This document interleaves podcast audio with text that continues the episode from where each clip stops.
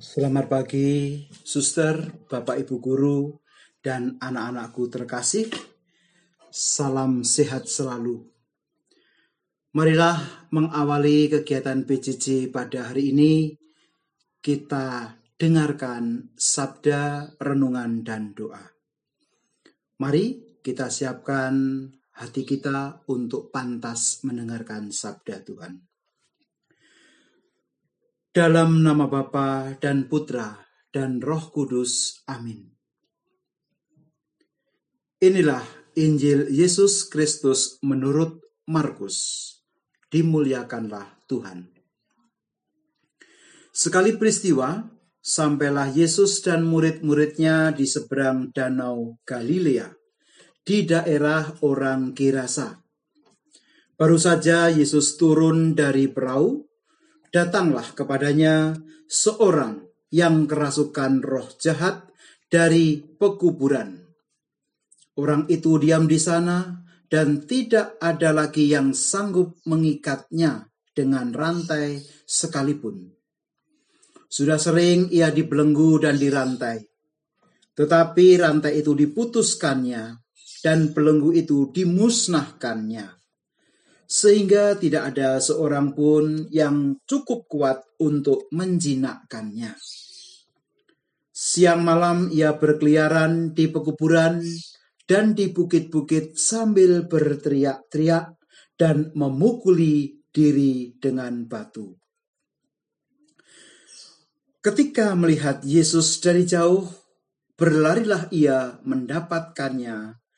Ia lalu menyembahnya dan dengan keras ia berteriak, Apa urusanmu dengan aku, hai Yesus anak Allah yang maha tinggi? Demi Allah, jangan siksa aku. Karena sebelumnya Yesus mengatakan kepadanya, Hai engkau roh jahat, keluar dari orang ini. Kemudian Yesus bertanya kepada orang itu, Siapa namamu? Jawabnya, Namaku Legion, karena kami banyak. Ia memohon dengan sangat supaya Yesus jangan mengusir roh-roh itu keluar dari daerah itu. Adalah di sana, di lereng bukit, sekawanan babi sedang mencari makan. Lalu roh-roh itu meminta kepada Yesus, katanya, Suruhlah kami pindah ke dalam babi-babi itu, dan biarkanlah kami memasukinya. Yesus mengabulkan permintaan mereka, lalu keluarlah roh-roh jahat itu dan memasuki babi-babi itu. Maka kawanan babi yang kira-kira dua ribu jumlahnya itu terjun dari tepi jurang ke dalam danau dan mati lemas di dalamnya. Maka larilah penjaga-penjaga babi itu. Mereka menceritakan hal itu di kota dan di kampung-kampung sekitarnya. Lalu keluarlah orang untuk melihat apa yang terjadi. Mereka datang kepada Yesus dan melihat orang yang kerasukan itu duduk. Orang yang tadinya kerasukan legion itu kini berpakaian dan sudah waras maka takutlah mereka. Orang-orang yang telah melihat sendiri hal itu menceritakan apa yang telah terjadi atas orang yang kerasukan setan itu dan tentang babi-babi itu. Lalu mereka mendesak Yesus supaya ia meninggalkan daerah mereka. Pada waktu Yesus naik lagi ke dalam perahu, seorang yang tadinya kerasukan setan itu meminta supaya ia diperkenankan menyertai Yesus. Tetapi Yesus tidak memperkenankannya.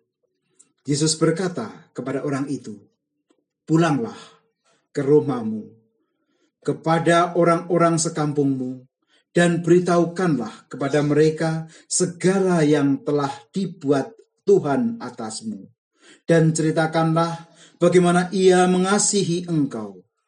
Orang itu pun pergi dan mulai menceritakan di daerah Dekopolis segala yang telah diperbuat Yesus atas dirinya dan mereka semua menjadi heran.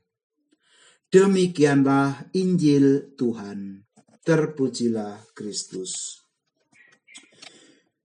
Para siswa terkasih, peristiwa penyembuhan yang dilakukan oleh Yesus kepada orang yang kerasukan setan tidak memiliki nama yang jelas, namun hanya berlabel kuantitatif.